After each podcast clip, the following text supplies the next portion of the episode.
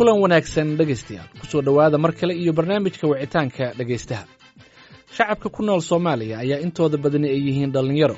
Sida ku cad qaar ka mid ah warbixinno caalami ah in ka badan toddobaatan boqolkiiba dadka soomaaliya ayay da'dooda ka hoosaysaa soddon sano. Haddaba maxay yihiin caqabadaha ugu badan ee haysta dhallinyarada soomaalida? Waa sidee xaddiga shaqola'aanta kaalin intee la eg ayay dowladda soomaaliya ka ciyaaraysaa shaqo abuurista dhallinyarada sideese looga faa'iidaysan karaa aqoonta xoogga iyo maskaxda dhallinyarada? Su'aalahaasi iyo kuwo kale waxaa nooga jawaabi doona wasiirka dhallinyarada iyo ciyaaraha soomaaliya maxamed bare maxamuud. Wasiir marka hore ku soo dhowow barnaamijka wicitaanka dhegeystaha waa mahadsantaa nuur waa ku dhawaa barnaamijka. Bal marka hore noo faahfaahay tan iyo markii aad wasaaradda timid waxa idiin qabsoomay adiga oo soo koobay. Waa mahadsan tahay nuur runtii horta wasaaraddu waxaa hadda joogaa muddo adiga sanad iyo lix bilood aan dhihi karo. Wasaaraddu wasaaradda aada u weyn waaye. Wasaaradda dhalinyarada sportska waxayna ka kooban tahay laba garabo waaweyn oo bulshada soomaaliyeed muhiima bacdimaa bulshada soomaliyeed ay yihiin numberka ugu badan ay yihiin dhalinyaro markaan ku hormara xagga arrimaha dhalinyarada waxyaalaha ugu muhiimsan aan ka qaban waxaa ka mid ah markaan ka soo tagno inaan ururada dhalinyarada oo aan u samaynay diiwaangelino aan u samaynay maxaa lahaa isku xirid iyo coordination oo isku dubid ah. Sidoo kale aan u samaynay barnaamijyo badan oo tababaro oo caygooda iyo aqoontooda kor loogu qaadayo. Welina aan gacanta ku sii hayno oo aysan ka marneen intii ay baahidooda ahayd weli la gaarin targetka. Waxaan noo qabsoon waxaa ka mid ah sannadkii tegay shirweynaha qarno dhalinyarada oo isaguna aan heer caalami ama forum caalami aan ku qabanay dhalinyaro soomaaliyeed oo kun iyo shan boqol gaarayso aan isaga keennay guud ahaan gobollada dalka iyo magaalada muqdisho iyo daafaha caalamka waxaa kaloo shirkaas aan ku soo bandhignay ama aan ku launjigaraynay sanadkaas noo qabsoomay siyaasadda qaran ee dhalinyarada oo markii ugu horeysay dhalinyaro soomaaliyeed siyaasadda ay qoreen aqoon-yahano soomaaliyeed ay qoreen oo dhalinyaro ah kuwa dhalinyaraha ay maxaa la dhahaa sameeyeen consultationka ee la sameeyen dhalinyarada dhalinyarada laga soo arooriyay fikradooda guud ahaan siyaasaddaasna ay ahayd siyaasad dhalinyarada soomaaliyeed. Gobol kasta aan ka tagnay state waliba dhalinyarada meel isugu keenayna elite ilaa laba boqol saddex boqol oo dhalinyaro aan ku weydiinaynay maxaa priority u ah muddada shanta ama toddobada sano soo socotee dhalinyarada taas waxay ka mid ahayd guulihii waaweynaa dhalinyaradaas dhanka sportska markaan soo kooba iyaduna runtii isku dayo waaweyn aan sameynay.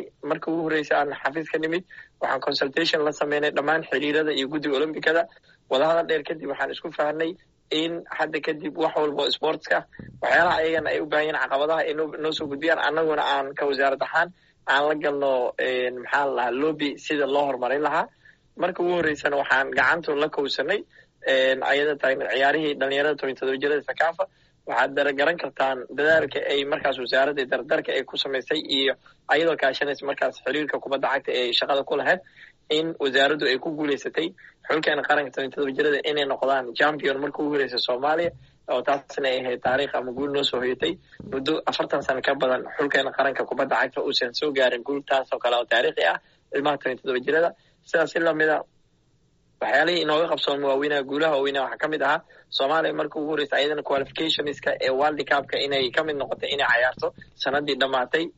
Waxa ayadana si la mid a aan taariikh ahaan waxyaalaan ka xasuusan sportska aan sameyn waxaa ka mid ah inaan wasaaraddu halkudhig waxaan u sameynay la yidhahdo no one left behind. Qofn cidna cidlo loogama tago. Waxaan sameeyay marka ugu horeysa waxaan abaabulnay koob dadka baayaha gaarka qaba gaar ahaan dhalinyarada maqalkala marka ugu horeysan aan ku cayaarsiin isbartiibada ama garoon weyn aynu gelinay in ka badan boqol iyo sideetan cayaarood labiiyo toban kooxood oo maqalkala muddo lix bilood horyaal socda ayaduna ay u soo gebagabeynay ayada ugu dambeysay waxyaalihii sportska xaggiisa nooga qabsoomay xagga maxaa la dhahaa iyaduna tartankii xiisaha badnaa ee dowlad goboleedyada isaguna aan ku qabanay garoonka weyne tuulada cayaaraha soddon iyo saddex sano kadib ay wasaaraddu gacanta ku dhigtay garoomada marka ugu horeysa iyaduna halkaa la geeyey garoonkaas tuulada cayaaraha kadib ciyaarihii gobollada dalka ugu dambeysay ciyaar sidaas oo kale xiisii xamaasad waleed lagu qabto ayaduna waad garan kartay lixdan iyo shan kun oo ilaa todobaatan kun oo taageero isu yimid. Taariikhda ugu dambeysay waxyaalahay ka qabsantaase dhankaas lamidna footballka amina basketballka ayaguna ciyaaruhu iyo dhammaan xiriirada kale ayagana waxaa jiray xoogaa isbedelo oo xaggaas ah laakiin waxaan aaminsannahay gabagabadii waxaan aaminsannahay waxa aan qabanay iyo waxaana laga sugaya inaysan isu dhegmin. Weli waa xawafaanol fare ka noqono waaya waa mahadsan tahay dhalinyarada waxaan ognahay soomaaliya in ay yihiin dadka ugu badan dadka soomaalida. Marka ma qiimayseen ka wasaarad ahaan caqabadaha ugu badan ee ku horgudban dhalinyarta soomaalida dhalinyarada horta soomaaliyeed caqabadaha ugu waaweyn ee ku horgudban waxaan qiimeyn aan ku sameynay kadib waxaan aaminsannaha ama nooga soo baxay inay tahay dhalinyarada oo horta u baahan in xirfadahooda ama xagga waxa la yidhaahdo youth skilleska ama xirfadaha gacanta dhalinyarada tababaradooda in aada loo kordhiyo taasoo aada nooga liidata. Si la mid ah caqabadaha kale oo jira waxaa ka mid ah iyaduna fursadaha xagga shaqo ama shaqa abuurka. Sanad walba jaamacadaha waxaa ka soo baxo dhalinyaro lagu qiyaasay labayo labaatan ilaa saddex iyo labaatan kun oo dhalinyaro ah. Runtii saaxadda farsamo mataqaana shaqaduna ma saamixi karto intaasna ma wada qaadi karto. Ayadana caqabado kale aheyd oo meeshaas nagu jirtay oo xagga aan ka aragnay baahiyii dhalinyarada ama caqabadaha dhalinyarada aan inta aan wareysanayna ka diiwaan gelinay waaya marka dabcan shaqo la'aanta ayaa lagu sheegaa marka laga yimaado xagga amniga oo dadka guud ahaanba ay u wada baahan yihiin soomaalida. Shaqo la'aantaasi maxaad ka qabateen ka wasaarad ahaan xagga shaqa abuurista dhalinyarada horta runtii shaqo abuurka dhalinyarada in wax laga qabto waa qorshaha koowaad ee aan anaga istraatiiji ahaan ama wasaaradda markaan samaynayna siyaasadda qaran ee tobanka tiir ku dhisan maxaa tole tiirka koowaad iyo tiirka labaadba waxay focus garaynayeen in youth educationka through maxaa la skillska xirfadaha aqoonta iyo tacliinta in dhalinyarada laga dhiso. Number labana job creation loo sameeyo.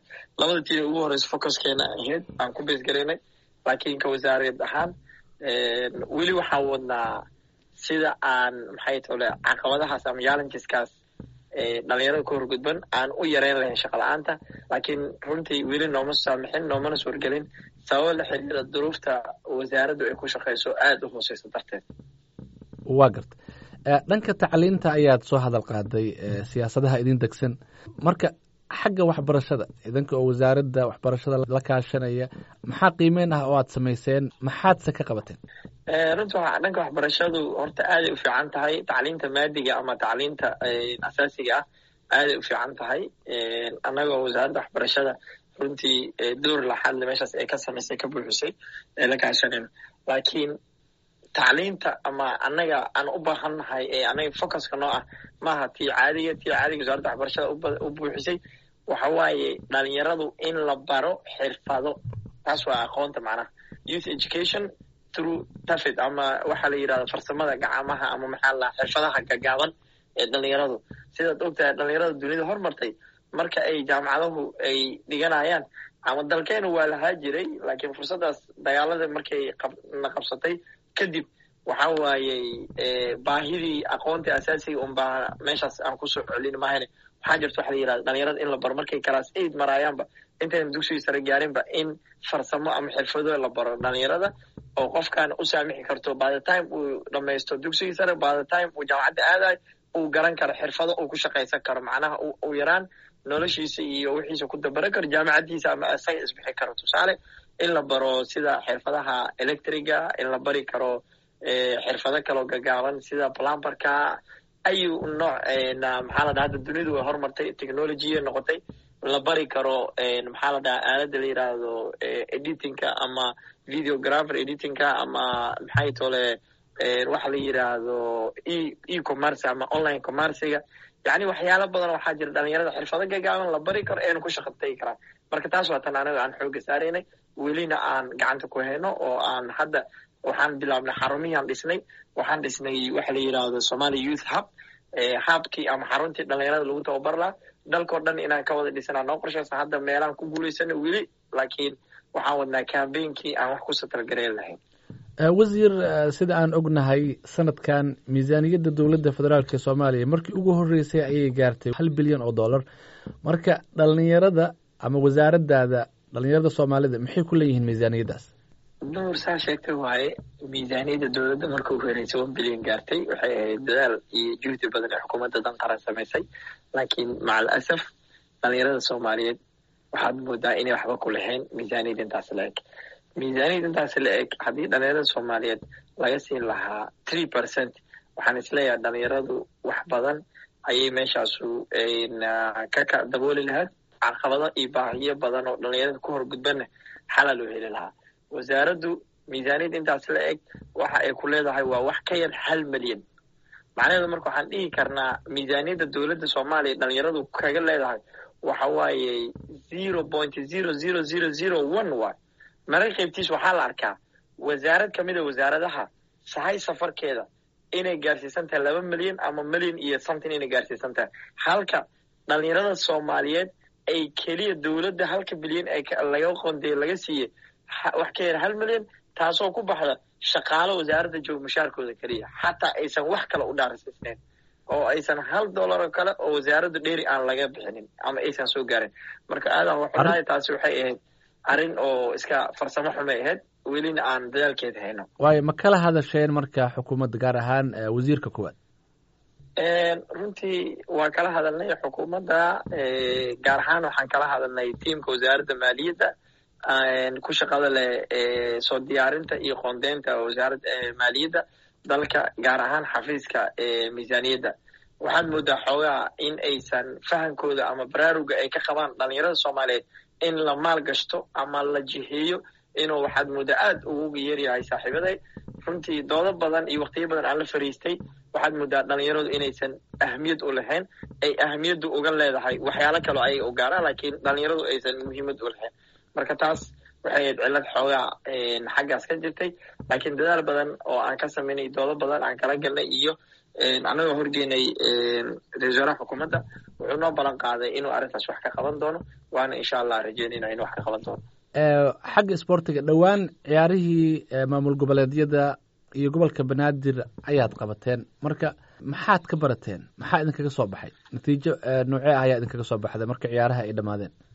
Runtii waxyaalo badan aan ka baranay. Waxyaalaha ugu waaweyn markaan daraso ama aan ku soo gaadiyo waxaa kow ka ah in horta dhalinyarada soomaaliyeed ay aad ugu baahi qabaan ama guud ahaan bulshada soomaaliyeed sportiska. Waxaa kaloo ka baranay sportiska inuu yahay isdhexgal iyo inuu sare u qaado kobaca nabadda.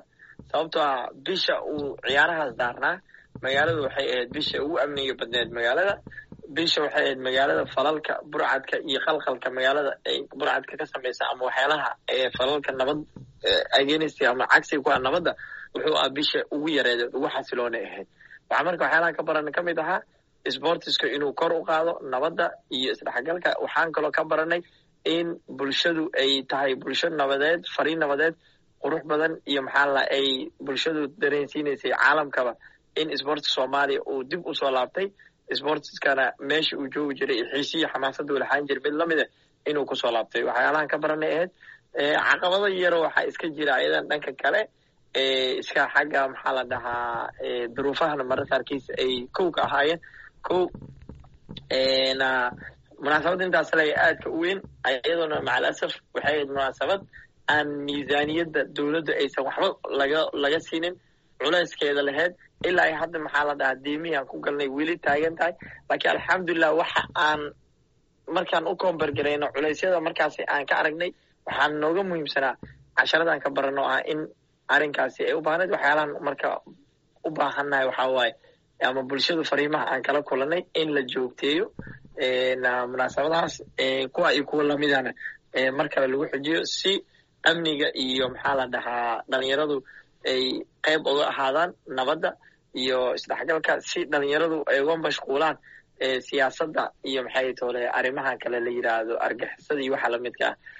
Runtii markaas bisha daarnaana waxyaalaha xasuusta waxaa ka mid ahayd munaasabad waaweynaa dalka ka dhacay ka mid ahayd maxay tole doorashooyin oo ka dhacay puntland oo kale baarlamaanka maxay tole marka warays u codeeyeen in dastuurka wax kabedel lagu sameyo dhammaantooda qof wax saameyn ku lahaaday ama dareenta ma jirin bulshadu hadalheynta ugu weynay markaasi daarneed waxay ahayd bishaas sportiska iyo sida loo kala guuleysay iyo yaa beri guuleysana iyo yaa dheela intaas ahayd. Marka waxyaalahan ka barana taas waxay ka mid ahayd in sportiska uu qayb weyn ka ahaa dadkan uu ka mashquulin kara sportiska siyaasadda iyo waxyaalaha negativeka ah.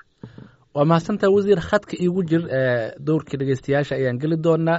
Dhegeystaha ugu horreeya ayaana jeclahay in aan soo dhaweeyo soo dhawo walaal adiga oo ku bilaabay magacaaga iyo halka aad joogto magacaygu waa muumin xasan siyaad oo jooga south africa. Wasiir maxamed bare iyo daadiyaha barnaamijka nuur bukhaari waa salaamatihiin laba su'aaloo ka kooban baa qabaa mudane wasiir su'aasha koowaad aniga south african joogaa mararka qaar dhacdooyin baa ka dhaca. Dad baa lagu dilaa dad baa lagu dhaawacaa. Hantidoodana waa lagu billiqaystaa dhalinyartaas cadaalad ma helaan. Maadaama dowladu ay dowlad la hadli karto shacabka cod dheer tahay. Dowladda soomaaliyeed doorkii dadkaas uga aadanay aawe adigase maadaama wasiirka dhalinyarada aad tahay arrinkaas see kuu saameeyey maxaa akhbaaraadahoo nala wadaadi kartaa oo a wasaaradda arrimaha dibadda a u soo gudbiday amba hadda kabacdi kuu qorshaysa su'aasha labaad wasiir saa ognahay cayaarihii gobolka banaadir iyo maamul goboleedyada u dhexeeyey puntland kama soo qeybgelin koonfur galbeedna dhiig baa miishii ku daato waa ka baxeen marka maadaama cayaaruhu ay isdhexgal bulsho yihiin maxaa cayaartan cayaarta ku xigta. Kalsooni intee leegay dadku ku qabi karaa inay si nabada ku dhamaystaan? Arrinkaasa seed u xallideen runtii su'aashaas waan soo weydiye muumin jooga south africa aadaynu saameysaa xanuunkeeda nagu leedahay. Markii laga qeex xataa anoonan siyaasad ku jirin xataa oo banaanka ka taagna xataa markaan maqlo newska noocaas qof dhalinyaraha ganacsada ah waddankiisa nabaddaryo iyo nabad xumo amni xumo darteed oga tahriibay tahriib dheer kadib south africa haddana islan wixii uu ka cararay inay ku qabsooto wallaahi aadan oga murugooda oga xumaadaa haddana markay tahay mas'uuliyad gaara ee iga sii saaran tahayna ma ku sii jirto. Waxaan leeyahay horta inta markaasi meesha ku shahiday ilaahay horta u naxariisto janadi fardosa ka waraabiyo. Intaas kadib runtii weli ma dhicin inaan kala hadalno wasaaradda arrimaha dibadda sababo la xiriiro duruufta iyo waxaa nagu gadaaman oo localka oo aad noo cusubay darteeda haddana maba jirinba duruufyo iyo waxyaalahan oga hortagnay laakiin insha allah waxaan rajeyneynaa inaan kuwa hadda oo maxay tole dhaca iyo kuwaas maxay tole ugu dambeeyaba inaan raadino wixii karaankoona ah ee wasaaradda arrimaha dibadda aan kala geysan karno ama ka weydii karno insha allah waan ka howlgalaa lakiin ma jirin horay su'aasha kale sportska maadaama puntland sanadkan ka soo qeyb gelin waa ka xunnaha iyaduna waxay ka mid ahayd puntland dadkan aad u danayneyn inay yimaadaan. Ilaa iyo inaan gaarsiino december waxa nagu kalef waxay ahayd wax kala meen kooxyii kale waa diyaarsanayn intaas waxaan raajicinaynay puntland ha ka soo qeyb gasho kooxaha kale ee la yidhi waa la weerara kadibna saasay oga baxeen. Ayadana falkaas aadan oga xunnahay oo waana cambaareynay fal anshax sportis iyo mid taageero shaqo ku leh. Maahan adduunkana waa ka jirtaa. Waxaa la yidhahda hologanismka waxaa la yidhahda adduunka waa ka jirtaa. Hologaniskaas ama dadkan dhagax tuurka ee taageerayaasha caraysan adduunka waa ka jirtaa. Faransiiska ingiriiska waddamada amniga leh ee aan maxay tole dowladaha waaweyn ee stableka ayaa falkaasi fal annaga waxa meeshaas ka dhacay wax ka waaweyn ka dhacaan. Laakiin alxamdulilah annaga falka meesha waxa ka dhacay wuu yaraa. Markii loo fiiriyo wadamadaas waxa ka dhaca aada uga yaraa. Haddana wax aan aada ugu faraxsanaa mehen waxaan aada u cambaareynin insha allah waxaan rajeyneynaa markii horena waa ka taxadiraynay inta dhineedna ciyaarihu aadan oga taxadirnay oo si bad qabtaan dhalinyarada inta dhineed ciyaaruhu ku dhamaystirnay waana rajeyneynaa sanadka soo socda inay noqoto. Waxyaalihii aan waxay noo ahayd aan noodgarayna cashar ahaan aan ka baranay qaladaadkii sanadkan. Sanadka dambe insha allah waxaan rajeyneynaa in aan taas sixi doono iyadoo taas si ka duwan aan la imaan doono hadduu ilaa yiraahdo waa mahadsan tahay wasiir dhegeysto kale ayaa isna su'aashan ku soo weydiiyey asalaamu calaykum magacaygu waa mawlid mascade dhabarey oo jooga degmada guldogob aad baan u salaamayaa wasiirka ciyaaraha iyo sboortiska dowladda federaalk ee soomaaliya. Wasiir waxaa rabay inaan ku weydiiyo su'aal kooban oo ah meelaha qaarkood waxaa jira degmooyinka qaarkood in garoomadii lagu ciyaari jiray oo kale ay qabyo yihiin. Degmooyinka qaarkoodna aysan lahayn garoomo lagu ciyaaro. Marka ma idiin qorshaysantaa qorshaha ma idinkugu jirtaa inaad garoomo samaysaan. Degmooyinka qaarkood meelihii aan lahayn aad ka samaysaan meelihii lahaana aad dayactirtaan hadda degmada aan joogo kale guldogob oo kale wasiirkii hore ciyaaraha sportiska garoonku ka dhisay waa qabyo oo kale. Marka ma idiin qorshaysan tahay inaad dhammaystirtaan garoomada inta qabyada ah. Degmooyinka aan lahaynna aad ka dhistaan garoomo waa mahadsantiin v o a. Su'aasha mawlid jooga gooldagab isaguna waxaan leenahay mawlid haa qorshaha waa noogu jirtaa guud ahaan kaabayaasha sportiska ee dalku inaan dib u hagaajino goldogobna waxay qayb ka tahay kaabayaasha aan soo gaari doono insha allah aan hagaajin doono ama garoomada aan dib u hagaajin doono keliya maaha kuwa badda cagtee waxaa qorshaha noo ah in guud ahaan sportiska hadday ahaan leed kuwa basketballka kuwa handballka iyo guud ahaan dhammaan cayaaraha fudud oo dhan garoomadooda inaan dib u hagaajino. Marka insha allah waa qorshe oo noo qorshaysan waana rajayneynaa sanadka soo socdo ama midkan intuusan dhammaaninba inaan gaari doono. Hadduu magaalooyin waaweyn oo ay goldogob ku jirto. Waaya wasiir dhanka kubadda cagta ayaan weli ku jirnaayey ama dhankii ciyaaraha xiriirka soomaaliya ee kubadda cagta sida aan ognahay iyadoo la eegayo shuruucda fifa siyaasadda waa uu ka madax bannaan yahay ciyaarahu ay ka madax bannaan yihiin. Marka ma siisaan madax bannaanidooda xagga maamulka dhanka xidhiirka kubadda cagta runtii anagu og taas ka dharagsan ayaan madax banaanidooda ayaan siinaa nasiib darase waxay ka jirtaa. Soddonkii sane ee ugu dambeysay dowladuhu ama dowlad la'aan dalku ahaa ama dowladaha hadba marxalada ay soo kala marayeen ayaad waxaa moodaa xiriiradu waxaad maqli jiray baadi aadan lahayn hadday kugu raagto xoolaha ay ka mid noqdaan. Xiriiradu maadaama aysan jirin wasaarad si toos ah ula falgasho ama si toos ah monitoringka ama doorka oversightka ee ku lahayd qaadata maadaama ay waayeen waxaan is leeyahay mararka qaarkiis madax banaanidiya waxaad moodaa inay ayaguna intii ay xaq u lahaayeen in ka ziyaada ah inay isku darsadeen. Mararka qaybtiis eeba ayaga isku arkaan inay yihiin wasaarad iyo xiriir wada jira inay yihiin laakiin waxaan rajeynayna insha allah annagoo taas wax badanna kala hadalnay wax badanna kawaanin wax badanna aan oga sheegnay. Waxa xuquuqi lein annaguna xuquuqdooda waa ku ixtiraamna waa siina ayaguna tayna inay noo ixtiraamaanaan ka rajeynayna insha allah. Xulka kubadda cagta caqabadaha ay sheegtaan marka aan wareysano waxaa ka mid ah miisaaniyad yarida iyo taageero la'aanta xagga dhaqaalaha. Marka wasaaraddaada maxay ka qabata arrintaas dhanka kubadda cagta? Iyo weliba ciyaaraha kale sida kubadda koleyga iyo wixii la mid ah guud ahaan sportiska dalka oo qeybo badan iyo faraacino badan leh runtii ka xukuumad ahaan ma jirto wax miisaaniyada oo dowladda ay hadda ugu talagasha ama aan ka siinay. Laakiin waxaan mar walba wadnaa qaabka aan ugu heli lahayn. Runtii maalinkan imid ilaa hadda waxaan goobjoog u ahaa laba miisaaniyadeed oo la dejinayay. Nasiib darase labada miisaaniyadba waxyaalaha aan horgeeyey ama aan hordhiga waxay ka mid ahayd wasaaradda maaliyadda gaar ahaan xafiiska ama directorate of budgetka ama qaybta miisaaniyadda in xulka qaranka ama ciyaaruhu miisaaniyad loo sameeyo. Nasiib darase ciyaaruhu ama guud ahaan dhalinyaradaba fahamka ma haystaan wasaaradda maaliyadda oo waxay ku leeyihiin dalka ahamiyad kale iyo priority kale iyo dagaalaha ku jira. Marka adiguna waxaa ka hadlaysaa wasiir ciyaar la ciyaaray sports la ciyaar. Marka fahan yarida haysata saaxiibadeeda xafiiskaas joogo ayaan is leeyahay xoogaa culayska u weynan haysta. Waa laakiin waxaan rajeynayna insha allah sanadada soo socota inay fahmi doonaan inay ahmiyad leeyihiin. Dhalinyarada soomaaliyeed maadaama dunida horumartay ay ku horumartay ka faa'iidaysiga awoodda dhalinyaradooda iyo inay dhalinyaradoodu ay heegan iyo mudnaan u leeyihiin oo dhalinyaradooda mudnaanta kuwaad ay u tahay. Annaguna waa rajeynayna insha allah sanadka soo socota inay dowladdeenu iyo gaar ahaan xukuumadduba ay fahmi doonaan iyo wasaaradda maaliyaddaba wasiir iyadoo la tix raacayo ciyaarihii dhowaan la qabtay ee dowlad goboleedyada ayay dad badan oo ciyaaraha jecel ay soo jeediyeen in ay ficnaan lahayd in ciyaaraha maaragtay tartanada laga dhigo ciyaarihii gobollada si loo ballaariyo. Marka arrintaasi ma laga yaabaa oo ma kala hadasheen oo ma kala tashateen xiriirka kubadda cagta in la soo celiyo ciyaarihii gobollada halkii laga dhigi lahaa maamul goboleedyada runtii arrintaasi xiriirka kaliya muqdise gobollada lagu ciyaarlayo magacyadooda xataa dadka ilaa hadda saaad ogtihiin dalkeenu ma joogo waagii gobollada ee dalku eed ama xukuumad hal xukuumad ama hal dowladda centralized ee dalku xukumaysa ma aha.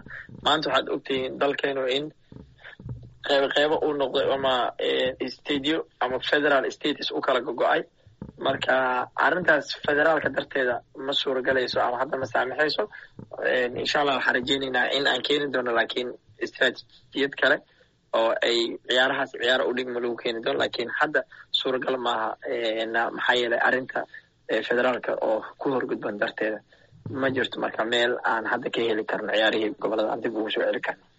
Waaya wasiir intii aan barnaamijka ku guda jirnay qeybihii hore waxaad ka dhawaajisay golaha dhalinyarada qaranka marka hadda ma dhisan yahay golaha dhalinyarada qaranka mise waad ka fikraysaa golaha dhalinyarada qaranka hadda ma dhisno hadda keliya shuruucdiisaan dhamaystirnay diyaarinay. Golaha dhalinyarada qaranka insha allah waxaan bilaabeynaa dhowaan bishaan hadda maanta bilowga ah waxaan rajeyneynaa dabeeqadiisa ama ramadaanka meesha uu ku dhammaado. Horaanta bisha abril waxaa bilaabmi doona doorashooyinka guud ahaan dalka oo ka dhici doona golaha dhalinyarada qaranka loo tartami doono loona dareeri doono sanaadiiq codod aan dhigi doono guud ahaan gobollada inta hadda ay dowladuhu ka dhisayin ama steedyada iyo dowladduba ay gacanta ku hayso waxaan rabnaa marka insha allah inaan dhisno golo dhalinyaro qaran oo ku imaan doona masiirka dhalinyarada hogaankeeda qofka qabanaya qof iyo cod. Halka waayadii hore ay ku imaan jireen magacaabis ama dekreeto wasiirka federaalka hadba qofkii jooga waaya ugu dambeyntii waxaan ognahay in tirada dhalinyarada soomaalida ay dhaafsiisan tahay boqol kiiba toddobaatan marka loo eego shacabka soomaalida. Marka sidee looga faa'iideysan karaa ama dowladda ay uga faa'iideysan kartaa aqoonta xoogga iyo maskaxda dhalinyarada soomaalida? Runtii dhalinyarada soomaaliyeed waxay bulshada soomaaliyeed ka yihiin in ka badan boqol kiiba shan iyo toddobaatan. Mararka qaybtiis haddii dib loo fiiriyo boqol kiiba siddeetan ay madaxa la galaan. Haddana nasiib daro lagama faa'iideysa saasay yihiin laakiin waxaan aaminsannahay dhalinyarada soomaaliyeed haddii xoogoodii caqligooda maskaxdooda laga faa'iideysto loogu talagalo in faa'iidooyin badan laga heli karo dalkuna uu ku horumari karo. Hadda lafteedu meelaha qaybtood markii si kale loo fiiriyana waa laga faa'iideystaa hadday ahaan lahayd ciidanka hadda ugu badan dalkeenu maanta xooga dalka militariga booliiska dhammaan hay'adaha amniga nabsugidda dhammaan dadka ka wada howlgala ay yihiin dhalinyaro in ka yar soddon iyo shan jir. Saas si la mid ah institutionada dowladda iyo guud ahaan private sectorska dalka ugu waaweyn waxaa ka howlgala ayaguna waa dhalinyaro. Marka dhinac loo fiiriyo xooga dhalinyaradu si indirect dalkeenu waa looga faa'iideystaa iyo si yaroo kooban oo direct ah. Laakiin haddii la helo maalgelin dhaba waxaan aaminsanahay dhalinyaradu dalkeenu inay aad looga faa'iideysan karo qeyb weyn waxaadna ka qaadan karaan kobaca dhaqaale iyo sidoo kale amnigaba. Aad iyo aad ayuu u mahadsan yahay kaasi wuxuu ahaa wasiirka dhalinyarada iyo ciyaaraha dowladda federaalka ah ee soomaaliya maxamed barre maxamuud oo marti ku ahaa barnaamijka wicitaanka dhegeystaha ee toddobaadka waxaan jeclahay inaan u mahad celiyo dhegeystayaasha barnaamijka ka qayb galay sidoo kale. Tan iyo toddobaadka dambe intaan barnaamijkan mid la mid ah dib dambe isugu maqli doonno waxaan idinkaga tegayaa sidaa iyo nabadgelyo